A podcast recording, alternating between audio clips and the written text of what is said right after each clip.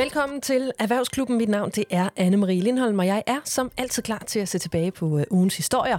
Og denne gang er jeg ikke alene fra start. For udover de sædvanlige gode folk, jeg plejer at invitere til en uh, snak i studiet, så er jeg fra i dag nu flankeret af min wingman, Erhvervsklubbens utrættelige, utrolig kloge og faste stjerne, du står og rødmer, Jens. Jens Bertelsen, erhvervsredaktør på Avisen Danmark. Hej, Jens. Hej, Anne-Marie. Og godt nytår til dig. Tak i lige måde. Og som noget nyt, som jeg er inde på her, så bliver du ikke sendt ud af studiet, når vi har talt om øh, din historie. Du bliver her hele vejen igennem. Har du haft et godt nytår? Ja tak, det har jeg. Øh, styr på alle coronarestriktioner, men øh, kom godt ind i, i året, ja. Ingen syge, hverken før eller efter? Det var der ikke, nej. Helt ufatteligt. Hvad var der selv? Jamen, øh, det samme i virkeligheden. Øh, der var styr på alle coronarestriktioner, for jeg sad i isolation sammen med mine børn og min kæreste og hans øh, datter, fordi at øh, min børns far simpelthen blev ramt af corona under juleferien. Så der sad vi og havde aflyst øh, alle gæster, men, men det blev helt ufatteligt øh, hyggeligt alligevel. Så det kan man godt have det sjovt på trods af coronarestriktioner, og vi endte så i øvrigt med ikke at blive syge nogen af os. Så alt var godt. Lad os, øh, lad os lade corona ligge og så kigge lidt på nogle af de ting, vi skal tale om i dag. Og øh, jeg har i hvert fald noteret mig statsministerens øh, nytårstale. Øh, for i dagens program, der dykker vi ned i nogle af de øh, pointer, som Mette Frederiksen hun havde, og vi tager temperaturen på dem. Og en af de ting, som jeg ved, du har set nærmere på, øh, Jens, det er jo øh, Dansk Erhvervslivs reaktion på, at statsministeren fortalte, at nu er hun villig til at diskutere, hvordan det kan blive øh, nemmere at tiltrække udenlandsk arbejdskraft. Øh, kan vi ikke lige prøve at rise historien op? Altså, hvad er det for et behov, vores virksomheder har lige nu? Jamen, det er den helt store udfordring for dansk erhvervsliv i, i 2022. Øh, coronaen lurer selvfølgelig i baggrunden, men det, der for alvor bekymrer, det er øh, manglen på, på arbejdskraft. Altså bare, bare på seks måneder sidste år var der 156.000 stillinger, der blev slået op, men hvor der ikke var nogen ansøgere, der, der matchede stillingerne. Så det er jo store dele af, lige fra hotelbranchen til, til industrien, der, der fortæller, at de takker nej til, til ordre, øh, fordi de ikke har hænder nok til at, at løfte opgaverne. Og det kan jo, øh, om ikke tro, så i hvert fald øh, begrænse det opsving, øh, opsving vi har gang i. Og hvordan... Nå, undskyld. Ja. ja, fordi det vi sigter efter, så Finansministeriet mener jo, at vi skal op og have en vækst på, på næsten 3% i år. Og det man så siger nu er, at, øh, at det, det er ikke sikkert, vi når det op. Også simpelthen alene, fordi der, der mangler øh, folk til at, at, at, at gøre arbejdet. Men hvad mener erhvervslivet selv? Altså, hvordan skal det her problem løses? Jamen, ude i virksomhederne, der er de jo virkelig trætte af Arne-pensionen. Oh. Det, den er store øh, spydspids for, for statsministeren og, og regeringen. Øh, de er meget hellere have, at man får motiveret folk til at udskyde deres pension lidt, øh, blive lidt længere, i stedet for, at, at de her allermest vidende og erfarne mennesker øh, måske øh, går, går på pension, øh, før øh, der var øh, behov for det. Øh, og det man så kan gøre i stedet for, siger de, det er så at trække arbejdskraft ind fra, fra udlandet. Og det har både fagbevægelsen og også regeringen øh, sådan set været modstander af øh, hidtil. Man øh, holder fast i, at, at lad os nu rekruttere blandt de ledige, der trods alt er i, i Danmark stadigvæk. Men altså, som du siger, statsministeren lavede lidt af en kovending i, i nytårstalen og sagde det her med, at man kunne diskutere mere udenlandsk arbejdskraft. Jamen, hvad, hvad er det for problemer, altså både helt lavpraktisk, men også mere generelt? Altså, hvad er det for problemer, der opstår, hvis en udlænding bliver trukket hertil, skal arbejde, have sin løn udbetalt, altså på, på danske vilkår? Jamen, hvis man skal ansætte en kok, der kommer fra Filippinerne, så skal man aflevere en ansøgning til det, det der hedder Styrelsen for International Rekruttering og Integration, uh-huh. forkortet SIRI. Øhm, og her er ventetiden på flere måneder, og nogle gange hører man om, om mere end et år. Og når den god, øh, ansøgning så er godkendt, så skal man så også have en dansk øh, bankkonto til, til den her nye medarbejder, så lønnen kan blive udbetalt. Og hvis du kommer fra Filippinerne og går ind i en dansk øh, bankfilial, så er det ikke helt enkelt at få et, et kontonummer. Øh, bankerne er jo udsat for en, en hæftigt stigende regulering for at undgå hvidvask og alt muligt. Så, så her oplever arbejdsgiverne altså, at det er svært at trænge igennem, og ligesom at få alt papirarbejde på plads, så de øh, kan gøre det, der var hele formålet, altså at få den her medarbejder sat i sving. Mm. Men, men hvad er det, og hvad er den overordnede? Fordi du sagde, at øhm, øh, fagforeninger og så videre, de, de havde været meget modstandere af det. Hvad, hvad er det, de er bange for? Jamen, de er jo på, på længere sigt bange for, at, øh, at vi får for mange øh, udlændinge ind, som, som tager de her job, som, som danskerne har i dag. Og øh, før eller siden, så ved vi jo, at der kommer en, en lavkonjunktur igen. Og hvis det, det, der så sker, er, at man fyrer de danske ansatte og beholder øh, vores øh, nye tilrejsende fra Filippinerne eller Bangladesh, øh, det, det, øh, det har man ikke lyst til at se på i, i fagbevægelsen. Så de, de vil rigtig gerne beskytte øh, dansk arbejdskraft her. Og ved vi så noget som helst om, altså hvor er det Mette Frederiksen, hun er klar til at rykke sig, eller i og med, at hun gerne vil tale lidt om det. Ja, altså det arbejdsgiverne er optaget af, det er beløbsgrænsen for ansatte, der kommer fra lande uden for, for EU. Og det er grænsen for, hvad man sådan, som minimum skal tjene for at kunne få en arbejdstilladelse i Danmark. Og lige nu der er grænsen på 445.000 kroner om året.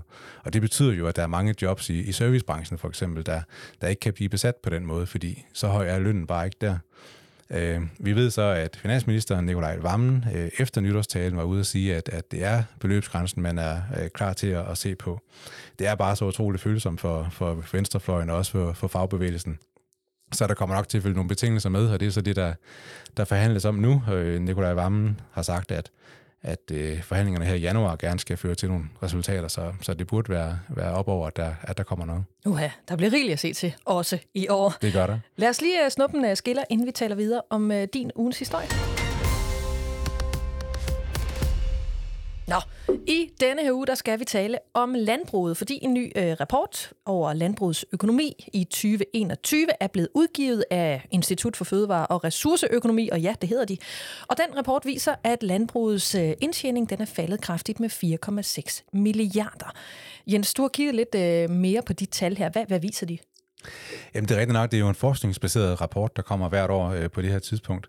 Og den viser, øh, at landmændene de havde en indtjening på 7,4 milliarder øh, sidste år, og det er 4,6 milliarder mindre end, end året før, som du siger. Øh, 2020, som man sammenligner med, det, det var så rekord over for landbruget, øh, og hvor det lyder jo slemt for 2021, men det var sådan mere et, et gennemsnitligt år, øh, som jo egentlig bare afspejler de store udsving, som, som landbruget øh, ser. Men, men hvorfor ser det sådan ud? Det er især svineproducenterne, der, der trækker ned øh, i 2021. De havde nogle virkelig gode år i, i 2019 og 2020, men øh, især fordi, at Kina øh, aftog virkelig meget dansk øh, svinekød. Og så pludselig sidste år, så, øh, så øh, eksporten lukkede ikke, men den, den faldt meget drastisk til, til Kina. Og det betyder jo så, at, at så bliver der sendt rigtig meget svinekød ud på, på det europæiske marked. Og det presser priserne i bund. Øhm, og det kunne altså mærkes på, på svinenoteringen, altså den, den pris, som landmanden får på, på slagteriet. Øhm, der er også dem, der, der producerer fjerkræ. De blev ramt af øh, udbrud af fugleinfluenza, oh, ja. som jo dels betyder, at nogle besætninger bliver slået ned, men, men, øh, men jo også, at vores eksport øh, til lande uden for, for EU bliver lukket øh, med det samme. Øhm, så så det, det kan de også mærke på deres økonomi. Øh, der er også mælkeproducenterne, de, det går så den anden vej. De har tjent flere penge, fordi priserne er, er steget øh, sidste år. Øh, og så til sidst, så kan man jo nævne minkene, som jo øh, nærmest er, øh, er forsvundet, eller i hvert fald stærkt på vej ud, og trækker meget ned i tallene for, for 2021. Og hvad betyder det her for, øh, for landbruget? Jamen, de er jo vant til, at det går op og ned, men ligesom andre, så er de jo ramt af høje energipriser øh, lige nu. Øh, fodret er, er dyrt, øh, og det belaster dem jo så ekstra, når øh, svinenoteringen for eksempel går ned.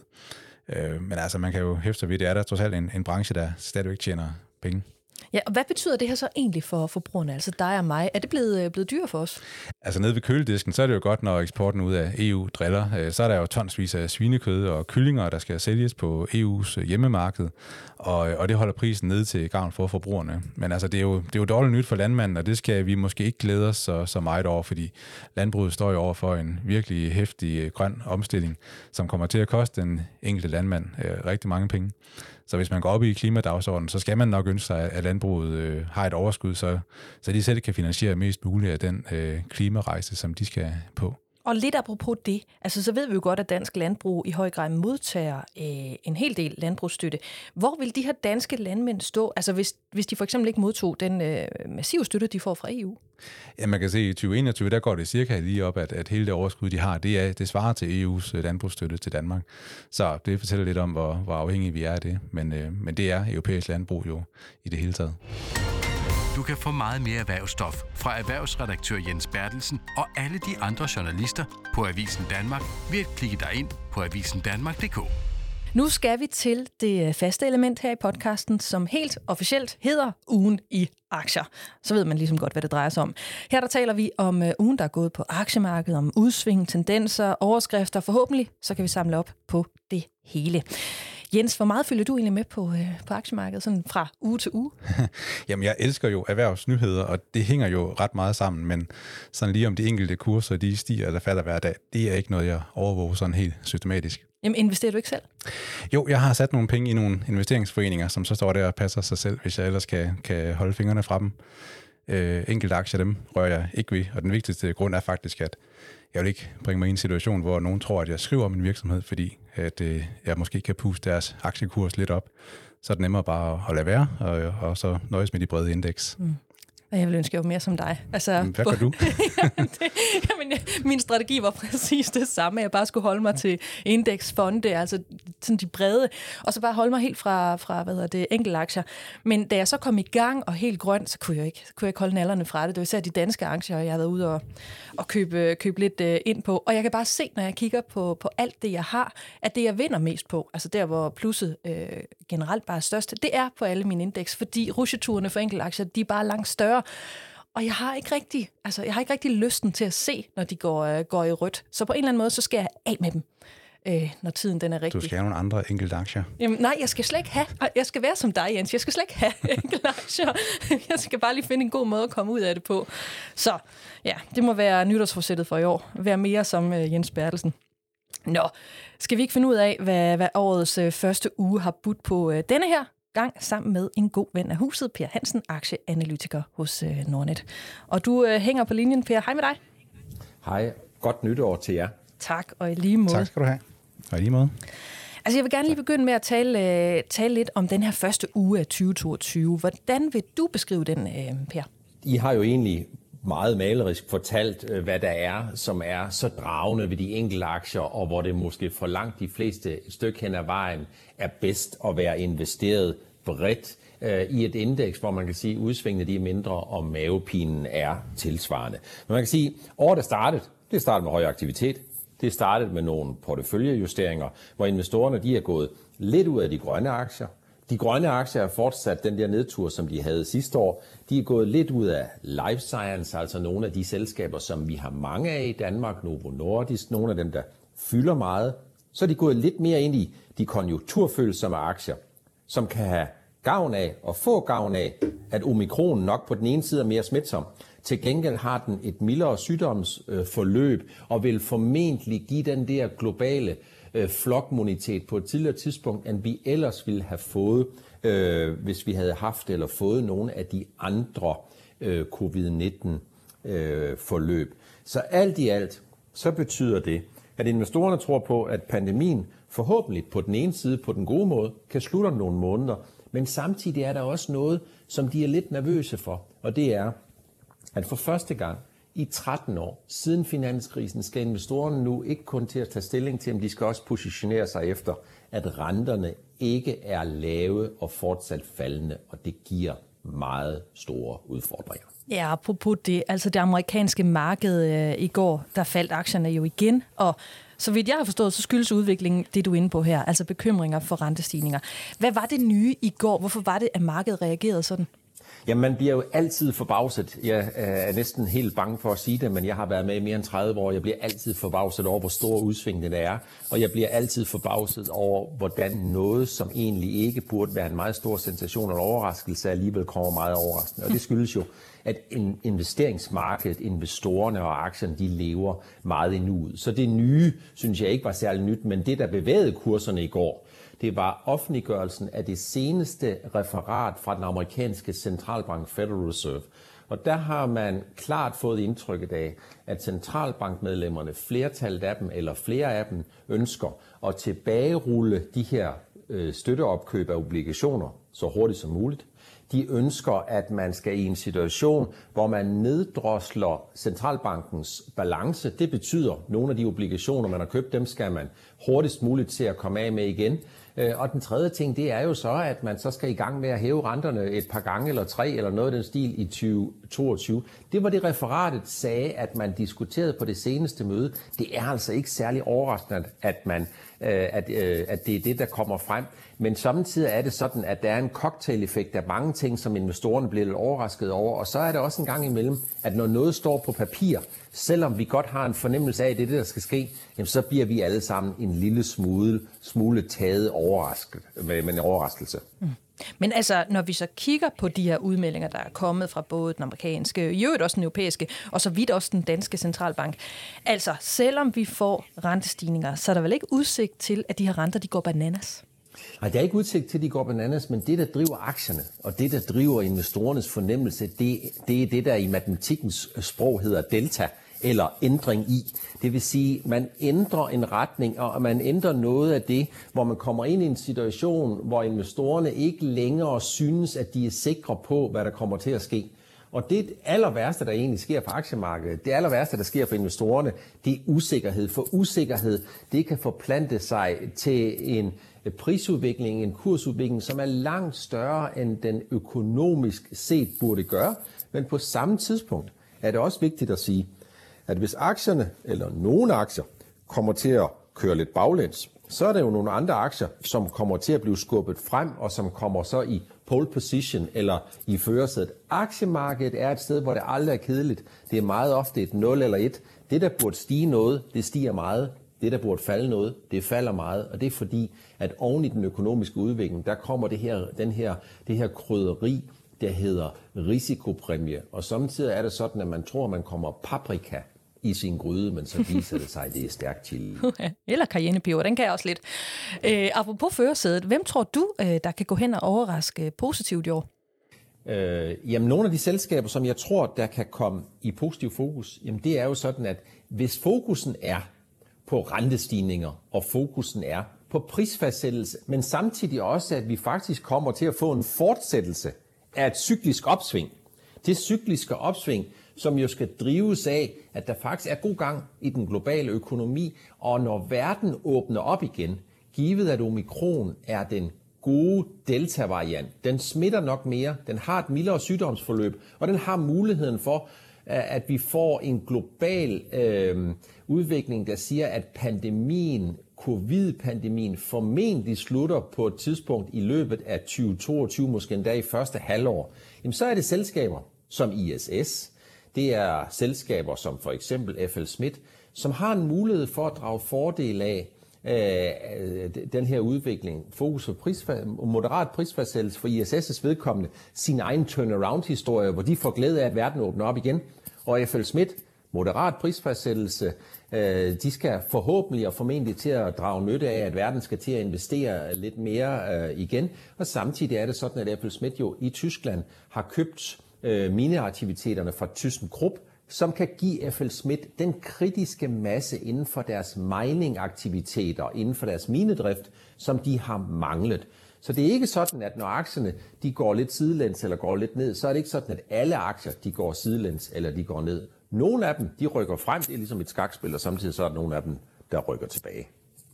Men Per, jeg tænkte på, kan du sige to ord om de grønne aktier også? Fordi nu er du lige inde på, at de var egentlig kommet dårligt fra start i den her uge, og mange af dem havde jo også et dårligt år sidste år.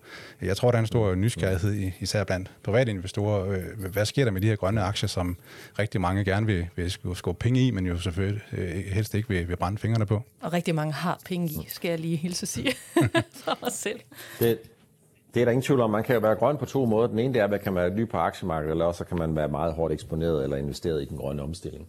Øh, noget af det, som, øh, som jo drev grønne omstilling i 2020, det var jo den der lyst til at investere i tiltro til, at verden bliver grønnere, og samtidig man kan tjene penge. Det var det, der drev aktiekurserne for udvalgte grønne aktier i 2020 og ind i starten af 2021 op i et niveau, hvor indtjening, den kortsigtede indtjening og de kortsigtede indtjeningsforventninger ikke kan bære desværre. Og det er det, derfor, vi har set, at selskaber som Ørsted og Vestas, som er de to største af de grønne, som vi har i Danmark, øh, er jo faldet med noget, der ligner en tredjedel øh, fra de højeste niveauer, måske endda 40 procent for Vestas' vedkommende fra de højeste niveauer i 2021. Når vi kommer ind i 2022, så fortsætter grøn omstilling. Men udfordringen den er, det er stadigvæk for dyrt at få transporteret varer rundt i verden, og inputfaktorerne i form af stål eller andre ting, det er stadigvæk noget af det, der hæmmer for eksempel Vestas, når de skal levere på de ordre, de har fået ind i 2019 og 2020 med nogle inputomkostninger, som de ikke til fulde har fået dækket af, hvor de ikke har fået en prisfaststillet eller en prismæssig afdækning af, af, af de her ting, og konsekvenser af det, det er for lav indtjening. Så en cocktail, der hedder grøn omstilling, den kører videre, det er slet ikke i tvivl om.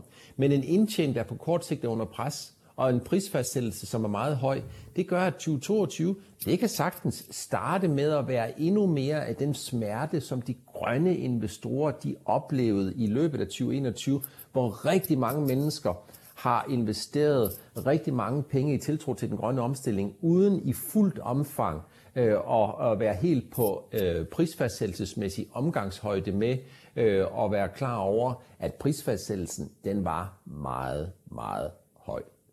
Der er lige en, øh, en anden aktie, jeg synes, vi skal vende øh, her på, på falderæbet, øh, nu hvor vi lige har fået vendt de grønne aktier også. For jeg kan se, at du tidligere på ugen har været ude bemærke en ting eller to omkring uh, Tesla. Uh, ja, jeg ved ikke, du ved måske godt, at jeg, jeg har jo ikke selv aktier i, uh, i Tesla. Jeg ejer heller ikke en Tesla, men jeg kan rigtig godt lide at tale om Tesla. Uh, så vil du ikke lige forklare, hvorfor, hvorfor Tesla igen har været i fokus her, uh, her fra årets begyndelse? Om Tesla-investorerne, de elsker Tesla, de elsker Elon Musk, øh, de elsker hans måde at være på, fordi han er jo all over. Han er jo i coins, i bitcoin, han gør sig jo til dommer over rigtig mange ting. Det er rigtig svært ikke at elske Elon Musk. Så det er ikke så mærkeligt, at, øh, at han er den enfant terrible, som flest, flest de følger. Og kigger man på aktiekursen de sidste øh, to til tre år, har det været fuldstændig fænomenalt. Så det, der er sket, det var, at på øh, i slutningen af, året, øh, af det gamle år, starten af nye år, der kom Tesla med nogle øh, leveringstal for, hvor mange biler de havde leveret i fjerde kvartal. Og så vidt jeg husker, så var det cirka 308.000 biler, de har leveret. Øh, og det var væsentligt over det, som analytikerne havde forventet. Aktiekursen øh, på første handelsdag øh, den 3. januar stiger med, så vidt jeg husker, 13 procent. Og så de efterfølgende to dage har den så øh, tabt øh, næsten det hele. Den faldt 5% dagen efter, så faldt den også 5% onsdag. Men Tesla og Elon Musk er bare mega gode til at tryllebinde investorerne, og investorerne øh, de er meget stålsatte øh, i deres forventninger til, at Tesla ikke kun kommer til at drive den grønne elbilsrevolution, men også at Elon Musk og Tesla, jamen det er nogle af dem, som kommer til at profitere allermest af det. Men tror du, vi ser nye rekorder for Tesla igen i år? Jeg tror sagtens, at, øh, at vi kan se, øh, at øh, aktiekursen kan vende opad igen. Altså det er for folk med absolut gode investeringsnerver. Prisfastsættelsen, den er stratosfærisk, den er stukket afsted. Den svæver ude i det ydre rum, og der skal ikke så meget til, hvor der er nogen, der, der ryster en lille smule på hånden, før selv en mindre ting kan give en større kursbevægelse. Så investorerne, jeg forstår godt, deres, at de er så betaget af Elon Musk. Jeg synes faktisk også, at han er en meget fascinerende person. Men aktiekursen, den lever simpelthen bare sit eget liv i orbit. Per Hansen, aktieanalytiker hos Nordnet. Som altid en fornøjelse at have dig med her i øh, Erhvervsklubben. Tak for besøget endnu en gang. Tak fordi jeg måtte være med, øh, og det er altid spændende at få lov til at deltage i debatten. Hvis du fulgte med i statsministerens øh, nytårstale, så bemærkede du måske, at hun annoncerede, at øh, regeringen ønsker at lave nye og øh, ambitiøse mål for luftfarten. Så vidt jeg husker, så sagde hun, at alle indrigsflyruter de skulle være grønne. Var det inden 2025? Jens, der må du lige redde mig her. Ej, først inden 2030. Ah, der Vi skal i gang 2025, ja. Aha, aha. Og så godt hørte jeg så alligevel ikke efter. Men øh, Jens, så må du lige supplere mig endnu en gang, fordi hvad er det, der gør, at hun har en forventning om, at alle indrigsruter i Danmark, de kan blive grønne inden for den her øh, overskuelige årrække? Jamen, det er jo en mærkesag, som hun ved, at hun med stor sandsynlighed kan, kan levere på. Altså, teknologien er stort set på, på, på plads. Der mangler bare en masse kapacitet til at producere grøn brændstof til, til flyene. Og den bliver først skabt, hvis der er en efterspørgsel. Og, og det kan man jo opnå, hvis øh, regeringen på den her måde lægger et, et stort pres på, på branchen. Nu har jeg ringet til aktieanalysechef i Sydbank, Jakob Pedersen, som jo er et orakel, når det kommer til luftfart, og på så mange andre områder i øvrigt også. Hej Jakob. Hej hej, og tak for de pæne ord. ja, er det ikke hver dag, man bliver kaldt et orakel, vel? nej, nej, det er det ikke. Hvad tænkte du, øh, da du hørte Mette Frederiksen øh, nævne de her ambitioner for, for lufttrafikken? Jamen, det var lige ved, jeg var ved at falde ned af sofaen oh. øh, med, med, med, med lidt champagne i hånden. Hold da fast. Det, det tror jeg meget godt øh, øh sammenfatter det, min, min, min første tanke.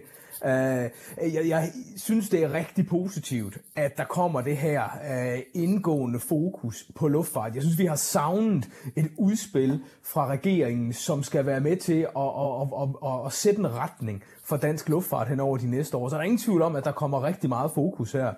Jeg synes også, når jeg lytter til det her, at det virker meget, meget ambitiøst. Grænsende til måske også overambitiøst. Uh, og så kan jeg jo ikke lade være med at tænke på, hvem skal så betale. Uh, det her det er en helt igennem udpint industri. Der er ikke ret mange 25 øre uh, rundt om i, i kassebeholdningerne hos, hos de selskaber, der er i den her industri. Så hvem skal betale? Ja, det ender nok med at blive dig og mig og, og passagererne. Uh, jeg kan mærke, at øh, min hjerne eksploderer med en masse spørgsmål. Lad os tage dem, lad os tage dem en af gangen, når du siger det der. Fordi nu er Jens inde på, at teknologien sådan, øh, er der, eller i hvert fald er ved at, ved at være der. Men, men hvad er status egentlig? Altså, hvor langt er vi fra at kunne det her? Altså, vi, vi, har, vi har jo mange af de selskaber, som skal kunne levere uh, input til det her, altså blandt andet, blandt andet uh, brændstoffet, som egentlig er klar. Uh, udfordringen her, det er, at vi skal have produceret meget mere brændstof end det man gør i øjeblikket. Og, og en udfordring ved det er blandt andet, at, at det helst ikke skal gå fra, uh, fra de fødevarer, som vi andre skal leve af.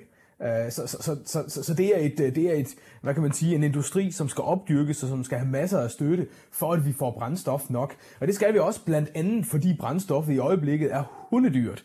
Det koster langt, langt mere øh, end, øh, end det brændstof, og her taler vi altså to, tre, fire gange mere, øh, lidt afhængig af brændstofprisen.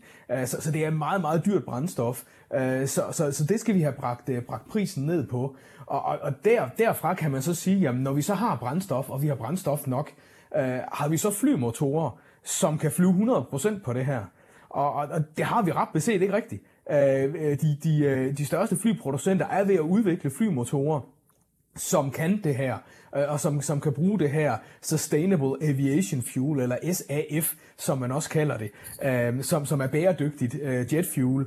Øh, øh, men, men, men vi er ikke på plads endnu. Øh, så, så for mig at se, så er det et meget, meget ambitiøst mål. Og vi skal også huske, når motorerne så er udviklet, så skal de købes ind, de skal sættes på flyene. Øh, det, her, det her det er en, en, en proces, som har, har masser af snubletråde, øh, inden, inden vi er i mål. Og så er vi lige nødt til at tage de her, den her pengesnak, fordi købes ind, sættes på flyene. Æ, altså, jeg går ikke ud fra, at det er flyselskaberne, der har råd til selv at sørge for den udgift. Det er det heller ikke. I den grad er det ikke, nej. Øh, Øh, og, og man kan sige, at, at øh, det er nok der, at udfordringen er allerstørst i det her. Fordi hvem skal betale? Øh, vil, vil, vil man gennemsvinge højere billetpriser i og omkring Danmark? Øh, eller eller hvad, hvad er tanken øh, i forhold til det her? Fordi flyselskaberne har ikke penge til selv at, at, at mobilisere den her omstilling. Så, øh, så, så det, er, det er noget, som, som jeg glæder mig til at se øh, regeringens kommentarer omkring. Men det lyder bare ikke som om, du synes, at det her det lyder realistisk, fordi øh, 2025, hvor, hvor var der, hvor vi skulle begynde, det er jo lige om lidt. Ja, det er lige om lidt. Øhm, og og jeg, jeg, jeg synes også, det er også derfor, jeg vælger at kalde det et uhyre ambitiøst mål. Og jeg ved godt, at der er rigtig mange dygtige leverandører ind i det her, som står med nogle rigtig gode løsninger. Men, men, men det at få det hele til at spille sammen, det at finde pengene til det, øh, det, er, det, det er stadigvæk et område, hvor det er sådan, at, at jeg frygter, at man godt kan stuble. Men, men jeg synes også, at, at, at det her er jo også et, et, endnu et eksempel på, at hvis man ikke sætter nogle store og høje mål, jamen så får man heller ikke taget nogle stormskridt fremad. Og, og det er måske lige nøjagtigt det, som, som den her ambition, den kan være med til at accelerere. Uh, og så kunne det jo være fantastisk, hvis, hvis vi hjemme kunne blive foregangsland inden for grønne flyvninger, selvom Danmark er et land, der hvad angår indrigsflyvninger, er, kun er en mini, mini, mini put i, øh, i, i, det, i den store globale sammenhæng. Og nu har vi været lidt inde på, på økonomien i forhold til det her med den, den grønne omstilling, og, og hvordan flyselskaberne de, øh, ja, skulle finansiere det her. Og apropos det, så ved jeg jo, der er kommet trafiktal fra Norwegian øh, i dag. Hvad er det for en historie, de fortæller? At de fortæller jo egentlig den historie, som, som vi godt har, har kendt lidt til her hen over den sidste måneds tid, nemlig at rejseløsten den er for nedadgående. Men man er selvfølgelig hjulpet af, at der har været noget december juletrafik, øh, hvor, hvor, hvor passagererne næsten uanset hvad, hvad har skulle rejse. Men ellers så kan vi jo se, at, øh, og det siger når skriver Norwegian også selv i kommentarerne, at, øh, at efterspørgselen er hæmmet, den er, den er faldet markant efter, efter at omikron øh, og, og, og restriktionerne er, er glædet ind i, øh, i i, i, øh, i virkeligheden. Og, øh, og det er nok noget, vi kommer til at se i særdeleshed, når vi kigger januar-tal også, øh, og, og måske endda også ind i februar. Så det her det er med til at, at, at stikke en, en kæppe i på, på det, der ellers lignede en ganske, en ganske fornuftig, men ikke alt for hastig trafikgenrejsning. Og, og det her det er vel så tal, der i virkeligheden er gældende for alle de andre øh, flyselskaber, som vi jo plejer at interessere os for her i, øh, i Danmark, ikke? Jo, det er det, det er det i høj grad nu. Nu får vi trafiktal fra SAS i, øh, i, øh, i næste uge, og jeg er helt overbevist om, at de kommer også til at vise, at det er blevet sværere at fylde, øh, fylde flyene op. Men man kan sige, at, at SAS er et sted, hvor man, hvor man ikke er alt for offensiv i sin trafikgenrejsning. Så mange, så mange fly har SAS ikke på vingerne i forhold til, til det, vi ser hos mange af konkurrenterne, og det kan faktisk godt hjælpe SAS lidt. Jakob Pedersen, aktieanalysechef fra Sydbank, endnu en gang. Mange tak, fordi du var med her i Erhvervsklubben. Velbekomme. Nå, Jens, det her det var jo uh, turen, næsten i hvert fald, for, uh, for denne gang. Fordi kan vi ikke lige her til sidst runde en af de historier, som også trak en del uh, overskrifter, i hvert fald i begyndelsen af, af ugen, nemlig den om, at uh, der er to topøkonomer, der har forladt uh, Nordea, efter de lavede en coronaskeptisk analyse med nazireferencer. Det var jo en analyse, der fuldstændig forbigik min opmærksomhed indtil, at de her to topøkonomer, de får valgt, uh, valgt at forlade uh, Nordea. Kort fortalt, hvad gik den her historie ud på? Jamen, det er jo sådan lidt en sjælden kulørt historie fra, fra bankverdenen. De store banker har jo analytikere siddende, som løbende skriver om, øh, hvordan de ser verden ud fra de tal og de forskellige signaler, der ryger frem på, på deres radar. Og der skete så det i november, at øh, en analyse fra Nordea pludselig fik rigtig meget opmærksomhed. Altså, den var skrevet af, af deres øh, globale chefstrateg øh, Andreas Steno Larsen og chefanalytikeren Martin Enlund. Og det handlede om coronahåndteringen i Europa og sådan de voksende krav til, til vaccination og coronapas og alt det, vi kender så godt. Og der gik de to så pænt over stregen, var der mange, der, der mente, fordi de brugte sådan forskellige øh, nazi-henvisninger til at beskrive det, som, som de jo nok tolkede som en klar overreaktion for at, at bekæmpe en, en virussygdom. Og det kunne nok have været klaret med en, en beklagelse, men, øh, men nu har der altså været en intern undersøgelse i Nordea, og efter den er kommet, øh, øh blevet færdig, så er det endt med, at de to herrer, de forlader øh, banken og skal finde et andet sted at analysere fra. Og sådan som jeg læser det, så virker det som om, at de forlader øh, banken frivilligt. Altså det er noget, de selv har valgt, på trods af, at øh, Nordea egentlig fandt grund til at åh, hvad, hvad, hvad, ja, hvad, altså, give dem en, en påtale, men ikke grund til fyring. Er det ikke korrekt forstået? Ja, altså når det har i hvert fald sagt, at de her analyser skal, skal laves på en anden måde, der skal være en anden proces med, at man, øh, inden man, man udgiver dem.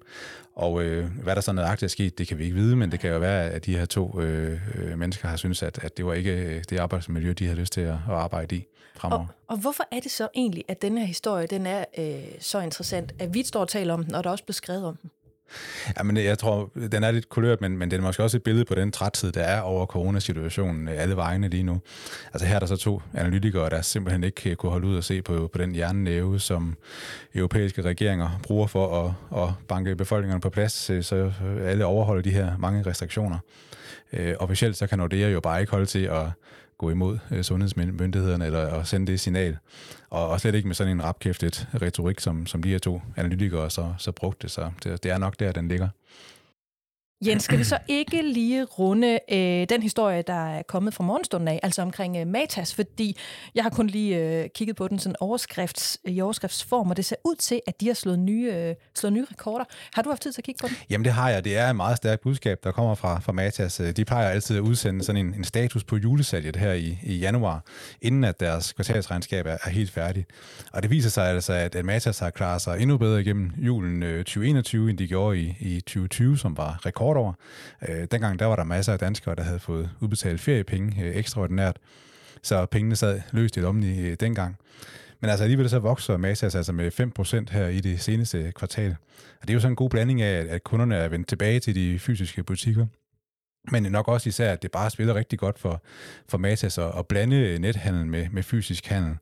Øh, en fjerdedel af deres omsætning sker online, og, og der har de virkelig formået det, som, som alle butikskæder drømmer om, nemlig at få kunderne til at, at handle på nettet, men at gå ned og hente varerne i butikkerne, få noget rådgivning dernede, øh, blive fristet af nogle andre ting, der står på hylderne.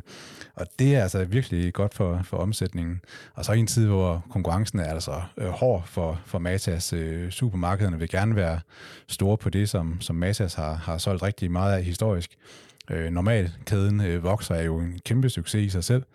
øh, sælger meget af det samme, som, som Matas gør, øh, men har jo altså ikke været i stand til rigtigt at, at pille Matas fra hinanden. Øh, der er også netbutikker derude, som er, er skarpere på prisen end, end Matas, men, øh, men det er ikke rigtig noget, der, der rammer dem. Og så er de jo så også, øh, som en lille trumf, har de så opjusteret deres forventninger til, til det regnskabsår, der, der, øh, der går til og med det kvartal, vi er i nu, fordi de har sådan et skævt øh, regnskabsår. Jeg føler selv, at jeg har bidraget til den, øh, til den øgede vækst, som Matas har Jeg tror, der er mange, der har. oplevet. Ja. Jeg har både givet julegave, og mandelgaven var også et gavekort til, til Der kan du bare se, Matas. ja. Alle kan bruge det. Det var alt fra Erhvervsklubben i den her uge. Har du øh, input til emner, du godt kunne tænke dig, vi tager op her i øh, podcasten, så send mig endelig en mail, og det kan du gøre på annli Eller gå ind og skriv ind på Erhvervsklubbens øh, LinkedIn-profil, og det gør du inde på selve siden. Det er jo et samme sted, jeg lægger alle de nyeste episoder ud, så snart de er klar. Jens Bertelsen, erhvervsredaktør på Avisen Danmark. Mange tak for i dag. Ja, selv tak. Og til dig, der lytter med, vi høres ved igen i næste uge.